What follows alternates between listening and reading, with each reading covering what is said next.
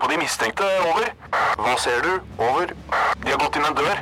De slår på noe som ser ut som en eh, maskin. Nå går de bort til et høyt bord med noen svarte ting. Kan se ut som et våpen. Over. Ja, vent. Får videre instruks. Over. Nei, vent! Det kommer på en rød lampe. Over. Røverradioen. Norsk fengselsradio. Hei, eh, velkommen til Roverradio. Eh, vi har en spesialsending sending i dag fra Bredtvet kvinnefengsel. Jeg, Helga, eh, er ganske personlig berørt av mange skjebner av medinnsatte. Og det er mange som faktisk har havnet i fengselet pga. utlagt barndommen. Og barnevernet og norske samfunn som klarte ikke gi dem den hjelpen som de trengte. En av dem er Hanna, som er her sammen med meg i Roveradio. Velkommen til deg. Tusen takk. Og i dag skal eh, du fortelle oss om eh, din historie som eh, du velger å dele. Hvorfor, Hanna? Ja, det er jo et veldig sårt tema for meg, men eh, jeg syns det er veldig viktig å dele det, fordi det er veldig viktig at i fremtiden at det, de barna som havner i barnevernet, får den hjelpen de trenger, da. Og så er det veldig viktig for meg at jeg snakker for de vennene mine som ikke lever lenger, som var i min situasjon. Sånn at eh, dem sin stemme også vil bli hørt. Og det er kjempefin tanke at du velger å dele den, eh, din historie. Og med oss eh, på denne sendinga har vi eh, barne- og likestillingsminister eh, Linda eh, Hofstad Helleland, som står klar med våre rover Steffen i Oslo fengsel.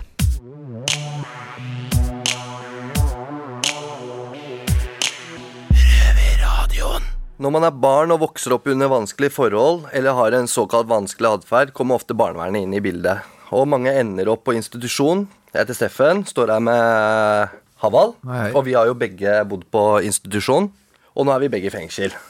Og i dag har vi lyst til å prøve å finne ut hvorfor det ikke gjøres mer for å hjelpe de barna som kanskje trenger det mest. Så nå har vi invitert en spesiell gjest her i Oslo fengsel. Og det er Barne- og like likestillingsminister Linda Hofstad Helland, velkommen bak lås og slå. Tusen takk for det. Velkommen. Godt å ha deg her. Eh, Men jeg tenker vi starter med å høre fra vår eh, kollega som sitter på Bredtvet eh, kvinnefengsel. Hanna. Og høre bare litt åssen det var for henne å vokse opp på institusjon. Så kjør på.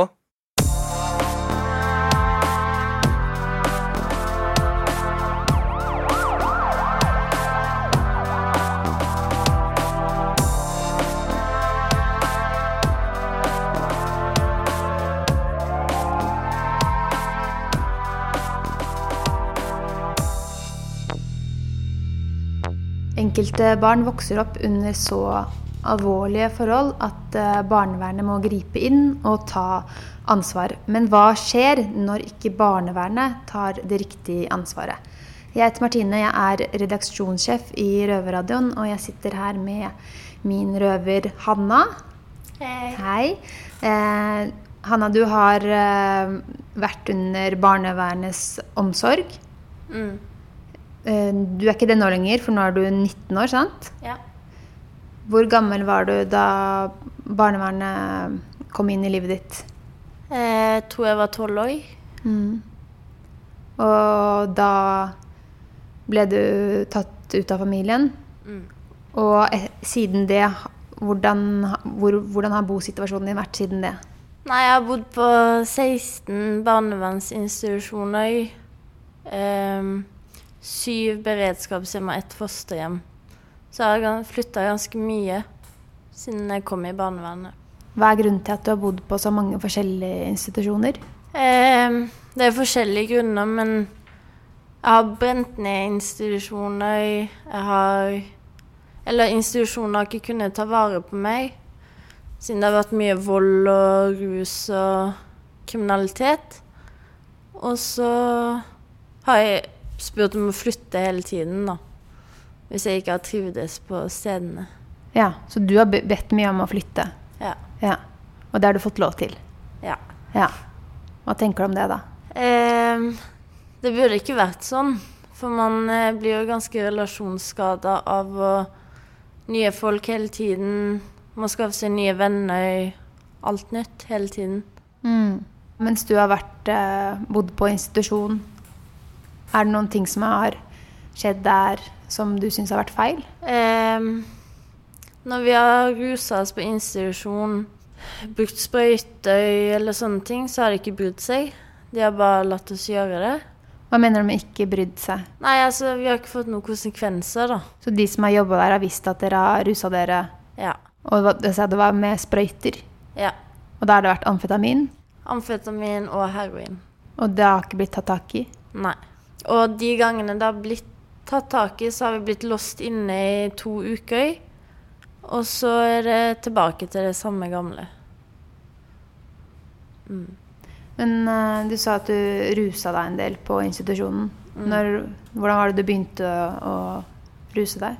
Jeg var vel 12-13 år, og da testa jeg ut litt. Og så begynte jeg å selge sex. Og så, for å kunne, eller klare å gjøre det, så måtte jeg ha mer rus, da. Ja, så det ble en sånn ond sirkel? Mm. Men uh, som, hvordan kom du over hvis, Det er ikke alle tolvåringer som kommer over dop. Hvordan kom du over narkotika som tolvåring? Det var Jeg husker jeg bodde på én institusjon. Jeg var 12-13 år. Og så var det gutter der som var 17-18 og drev med stoff og sånne ting. Så jeg hang med de, da. Og ble lært om rus og sånn hos dem. Så da du var på institusjonen, så hang du med de eldre gutta, og så begynte du å ruse deg med de? Ja. Hadde du rusa deg noe før, før du kom i barnevernet? Nei. Jeg hadde en far som var alkoholiker, men ikke noe spesielt med rus. Men føler du sånn, Da du var tolv år og kom på den institusjonen, hadde du noen mennesker rundt deg som du følte var gode omsorgspersoner for deg? Nei, ikke, ikke da. Det var liksom mer Jo eldre jeg ble, og jo mer jeg visste om lover og regler og sånne ting, så ble det mer sånn Ja, da klarte jeg å skille hvem som eh, var gode mennesker og ikke da, i barnevernet. Fordi Føler du at du møtte mange dårlige mennesker i barnevernet? Ja, både meg og venninna mi hadde sex med nattvaktene. Og det var flere tilfeller? Ja. Men hva gjorde institusjonen med det, da? Han ene fikk eh, sparken på flekken. Eh, men eh, nå hadde jo skaden allerede skjedd, da. Mm. Ja. Hvor gamle var dere da? Eh, jeg var 15, og hun var 16. Hvorfor tror du at dere gjorde det? Hadde seks mann. Nei, han ene var sånn eh, Jeg fikk et forsprang når jeg skulle stikke av. Og han var våken nattvakt. Så når jeg hadde hatt seks mann, så kunne jeg få fem eller ti minutter forsprang, da. Før han vekka den andre nattvakten og sa ifra. Mm. Hvordan har det vært med skolegangen din? Um, jeg fikk ikke lov å gå på skole, siden jeg rømte og ja, rusa meg og gjorde sånne ting. Så da fikk jeg ikke lov å gå på skole. Men alle har rett til å Alle barn har rett til å gå på skole. Det vet jeg, men jeg fikk ikke lov til det på den institusjonen. Den ene, i hvert fall. Hvordan føles det da? Litt kjedelig. Har gått glipp av ganske mye. Hvis du tenker tilbake på oppførselen din, da, forstår du at de ikke ville sende deg til en vanlig skole, f.eks.?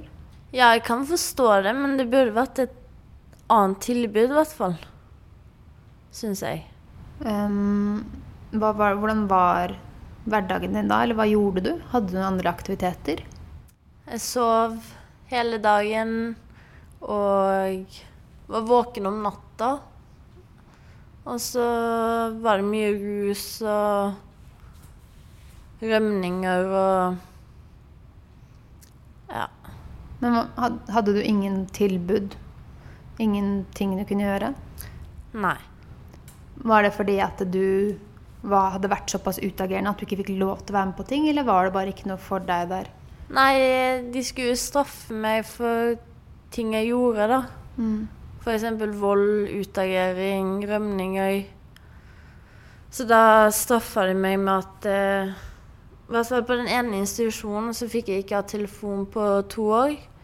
Og var låst inne i, et, i en bolig med to stykk som var og passa på meg døgnet rundt. Så fikk jeg ikke ha dør på rommet. Så de skulle se meg hele tiden, da. Hvorfor var det så strengt, da? Det var pga. rømninger og vold. Men hva Men det var ikke noe tilbud. Lærte liksom ikke at sånn skal du ikke gjøre. Nei. Det var mer som Ja, siden du gjorde det, så får du bare ha det så godt, liksom. Ja. Men sånn som du sa, du fikk ikke ha dør på rommet. Jeg skjønner ikke De skulle se meg hele tiden. Men var du en, ska, var du en fare for deg selv? Kan det ha vært det, eller? En periode så var jeg det, men det var mer at jeg ikke skulle stikke av, da. Ja. Så valgte de at du måtte sove med åpen dør. Ja, og så satt jeg nattevakt i dørstokken, liksom. Men det er jo faktisk mindre privatliv enn man har i et fengsel. Ja, det er det. Og den institusjonen ble stengt pga. så alvorlige brudd, da. Ja, Så disse situasjonene fikk den stengt. Ja. Og fylkesmannen kom frem til en konklusjon at det var omsorgssvikt. Ravenna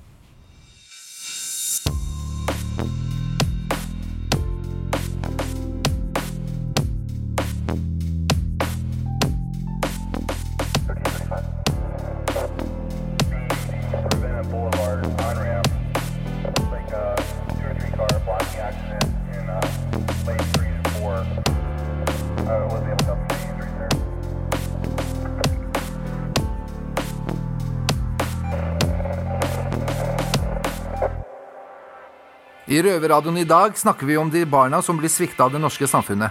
Vi skal høre mer fra vår røver Hanna, men først så skal vi snakke litt med barne- og likestillingsministeren Linda Hofstad Helland. Ja, Linda, eh, hva tenker du når du hører Hanna forteller om det her? Er det sånn vi skal ha det i Norge? Nei, det jeg føler er i hvert fall eh, en veldig sorg. Jeg ble veldig lei meg over eh, hvordan barn og unge har det, og har hatt det, i barnevernet. For sånn skal det ikke være.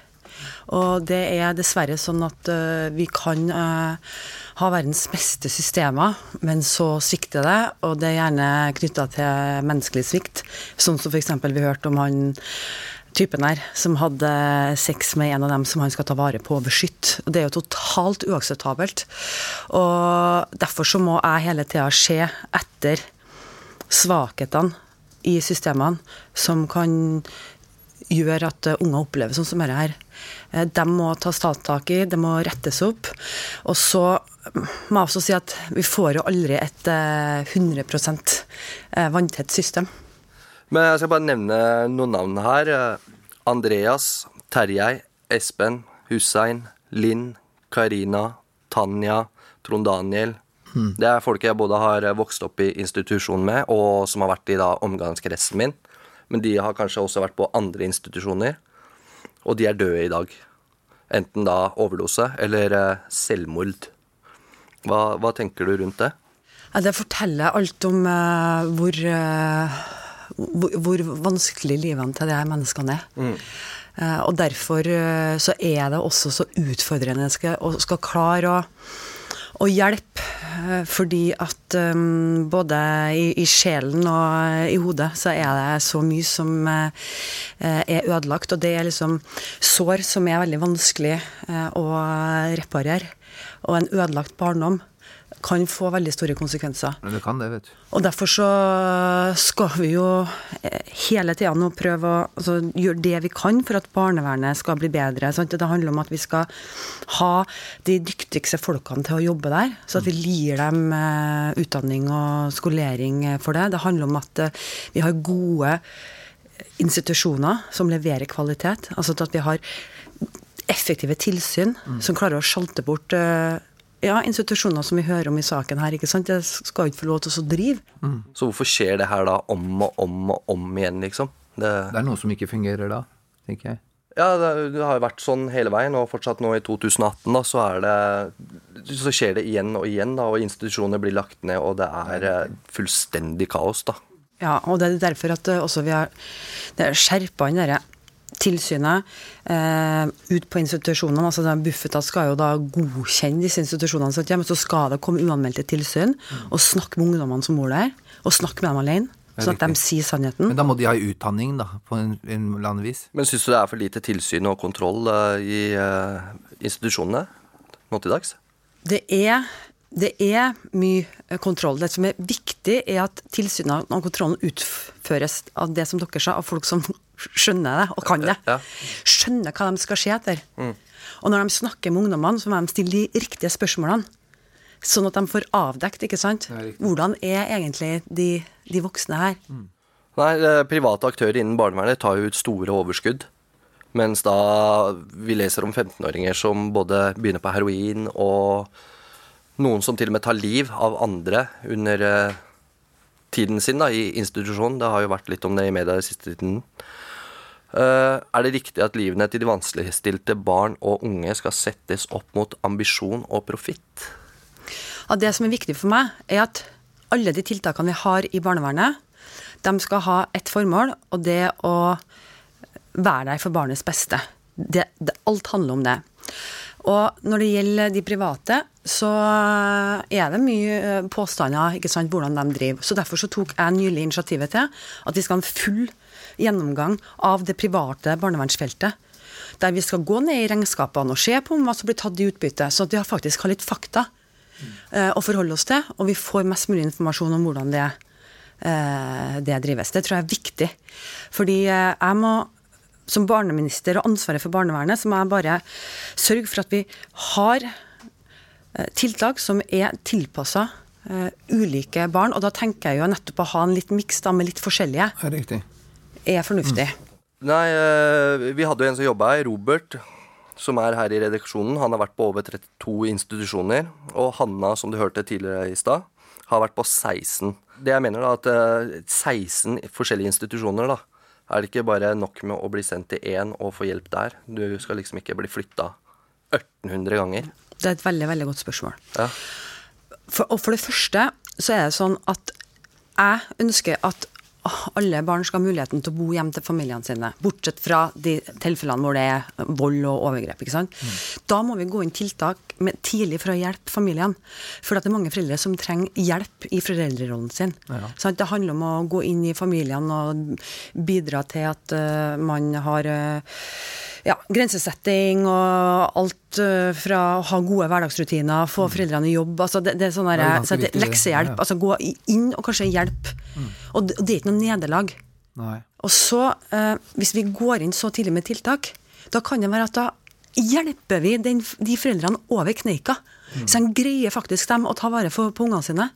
Og de Få litt sånn rådgivning og ja, nettopp. Ja, ja. Og husk på at de aller fleste barn vil jo bo hjem til mamma og pappaen sin. Selv, at, selv om du vet at de sliter, så skal det veldig mye til for at det er bedre å være et annet sted. Ja, og da tenker jeg at da kan vi unngå at mange barn flyttes ut fra foreldrene sine. Og for det andre så tenker jeg at det viktigste vi gjør når et barn trenger på en institusjon, det å gå inn tverrfaglig, altså fra, fra mange fra helse, altså psykiatrien og fra barnevernet, eh, fra eh, flere ståsted, så man kan se hele barnet og tenke OK, hva, hvilke hjelp, hvilken institusjon, hvor er det vedkommende kan bør bo? For da finner du det riktige tiltaket med en gang. den riktige plassen, og Ja. alle sliter jo med sitt, ikke sant? Nettopp. Så, ja. For det første så skal vi nå finne tiltak som er i nettverkene til barnet. Prøve å finne institusjon som er så mye i nærmiljøet som overhodet mulig. Og gå inn tidlig med tiltak, og gå inn med riktig tiltak. Så det å ha liksom på en måte få etablert en rett da, for at uh, uh, ulike fagfolk går inn, ser på deg, på hva er det du trenger, for da kan det være en mulighet at vi finner riktige tiltak med en gang, i stedet for at du må flyttes på 13 forskjellige institusjoner. Ja, for da er du jo dømt til å mislykkes. Ja, bare for å gå litt tilbake på det, da. Eh, Når jeg ble kasta ut som litt over 18-åring, da hadde jeg begynt på skole. Jeg hadde begynt på kokkeskolen. Og trivdes på skolen og hadde jo lyst til å fullføre det her. Men også kom jo den dagen hvor den plutselig bare sa nok er nok, nå må du ut og flytte tilbake til Oslo. Så da mista jeg jo samtidig skoleplassen òg. Så jeg husker jeg og mamma var jo faktisk på barnevernskontoret her i Oslo og spurte om ikke vi kunne få forlenga det, i hvert fall så jeg fikk gjort ferdig. Men det var nei, den ville ikke betale mer, og ferdig med det. Så da Da gikk jo alt i grus, på en måte. Ja, der viser jo du hvor viktig det er. At ikke, du kan ikke liksom bare slå handa av et barn som har vært i den barnevernets omsorg over natta. Der, der jobber man jo nå veldig, mm, veldig målretta for å få overgangen da, eh, så smooth som mulig. At du begynner kanskje når de er 16-17 år og begynner å prate om ok, hva gjør vi den dagen du er 18, og begynner å planlegge livet da, i forhold til skole, i forhold til jobb, i forhold til bosted. eh, Sånn at man er mentalt forberedt. Ta tak i det før man fyller 18. Ja, altså du lager et system, at du har en kontaktperson, om det er saksbehandleren din, er eller om det er en fra institusjonen, hva som helst, som kan være den du ringer til. Når, En sånn eh, støttespiller, da, på en måte. en støttespiller som har uh, forplikta seg, og som selvsagt som en du har tillit til da, og god kjemi med, og som du må velge sjøl. Så nå er jeg i gang med å gå gjennom hele ettervernssystemet for å se på hvordan kan vi gjøre det bedre, så at ikke du opplever det som du opplevde, ikke sant? Ja, for da var jeg jo faktisk motivert og Jeg tror faktisk jeg hadde klart å fullføre, da. Bare hadde fått bli og Ja. Så livet mitt kunne jo kanskje sett helt annerledes ut i dag hvis eh, jeg faktisk hadde fått fullført den kokkeskolen, da. Men sånn gikk det jo ikke. Men nok om det. Da håper jeg virkelig at eh, dette blir bedre i framtiden. For sånn det er nå, kan vi ikke ha det i Norge. Tusen takk for at du kom, eh, barne- og likestillingsminister. Tusen takk for at jeg fikk komme, det var veldig hyggelig å være her, og så håper jeg at jeg får lov til å komme tilbake en annen gang. Det får du. Alltid velkommen. Du hører på lyden av ekte straffedømte. Røverradio. Hver lørdag på NRK P2 halv to. Og når du vil som podkast.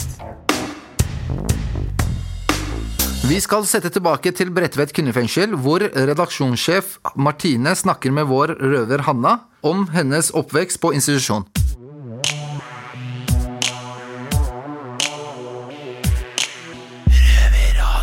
Kan du fortelle litt om hvordan du For jeg forstår det sånn på deg at du var veldig utagerende, for å bruke et fint ord på det, da du Ja. var på institusjon. Kan du fortelle litt om hvordan du utagerte? Det var vold mot de ansatte. Trua de rana til meg bilene deres. Um, ja. Det var mye sånt. Men eh, ble du spurt om hvorfor du hadde den oppførselen du hadde? Nei, jeg ble ikke spurt om det. Jeg ble mer straffa for det. Hvorfor, eh, hvis du tenker tilbake på det nå, nå er du jo 19 år, Mm. hva, hva tror du er grunnen til at du oppførte, seg, oppførte deg på den måten? Eh, mangel på resept, respekt. Og eh, at det var nye folk hele tiden og skulle teste grensene til de som jobba der. For det blir jo litt sånn at eh, du må gjøre ting for å se om de bryr seg om deg, da. Hvordan skulle de vise hvordan de, at de brydde seg da, hvis du f.eks. Utø utøvde vold mot dem? Hvordan Du fikk mer oppmerksomhet og Altså, det var da de snakka med deg, liksom. Når du gjorde sånne ting. Så du følte ikke at de, snakka med deg ellers, når du ikke var sånn utagerende? Nei. Hvordan føles det, da? Det var vanskelig på den tiden. Måtte gjøre ganske mye drastiske ting for at de skulle sette seg ned og høre på deg. Føler du at du f.eks. i situasjoner hvor du har følt at ting ikke har vært greit da, på institusjonen, føler du at du har kunnet si fra til noen og bli trodd? Nei, bare advokaten min. Og Men det jeg syns er rart, er at eh, de som jobber på institusjonen, og de ser at det er en 16-åring som sitter og skyter heroin på institusjonen Det er jo ikke normalt at 16-åring bruker sprøyter. Så jeg bare lurer på hva hadde vedkommende gjort hvis jeg var barnet deres, da? Så det er veldig mye sånn forskjellsbehandling. Hvis du er barnevernet, så er det normalt at du er litt sånn skada, men eh, Ja. Men eh, den tiden du har vært under barnevernets omsorg, har du fått tilbud om å gå til psykolog? Ja. Eh, men da måtte eh, de som jobber på institusjonen, være til stede i samtalen. Hvorfor det? Eh, jeg vet ikke. Jeg sa hele tiden at jeg ville ikke gå til psykolog hvis de skal være til stede, men det var sånn at de For at de skulle lære åssen de skulle håndtere meg, så måtte de være med i samtalen. Så du Så det var det det eneste tilbudet du fikk? Ja. Og det var, og det var gjennom hele Alle forskjellige på en måte Ja. Du var jo veldig Sånn som jeg har forstått det, så har du vært mye sint. Mm.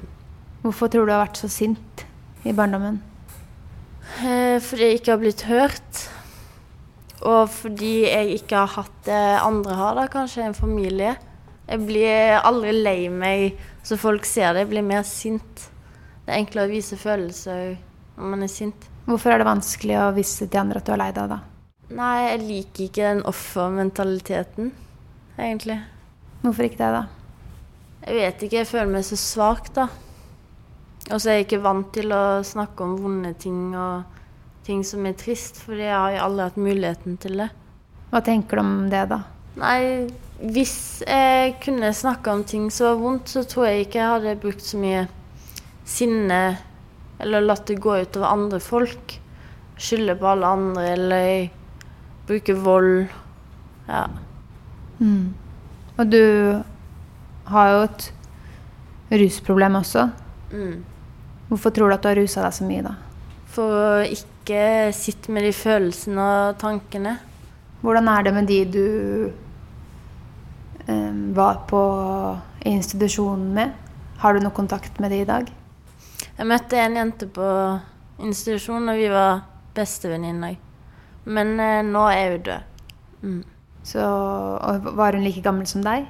Hun var ett år yngre. Et år yngre, Ja. Kan jeg spørre om hvordan hun døde? Hun eh, hadde ganske lik oppvekst som meg i barnevernet. Ehm, og så fire uker etter hun ble 18, så takka hun nei til ettervern og havna på gata. Og da var hun hos en eldre kar på 40-50 år. Og så falt hun ut fra et vindu i femte etasje og døde. Jeg vet ikke helt om hun falt ut eller ble dytta ut, det får vi ikke svar på. Nei. Nei. Så som jeg forstått det, så ble du tatt ut av familien din for at det var utrygt for deg å være der. Ja. Føler du at det Den oppveksten som du fikk, at det var en trygg oppvekst? I barnevernet? Ja. Nei. Jeg kunne like greit bodd hjemme hos foreldrene mine og Ja. Hanna, jeg vil bare si tusen, tusen takk for at du var åpen om det her. Jeg vet ikke er så lett å snakke om. Ja, det er ingenting som forandrer seg hvis man er stille. Nei.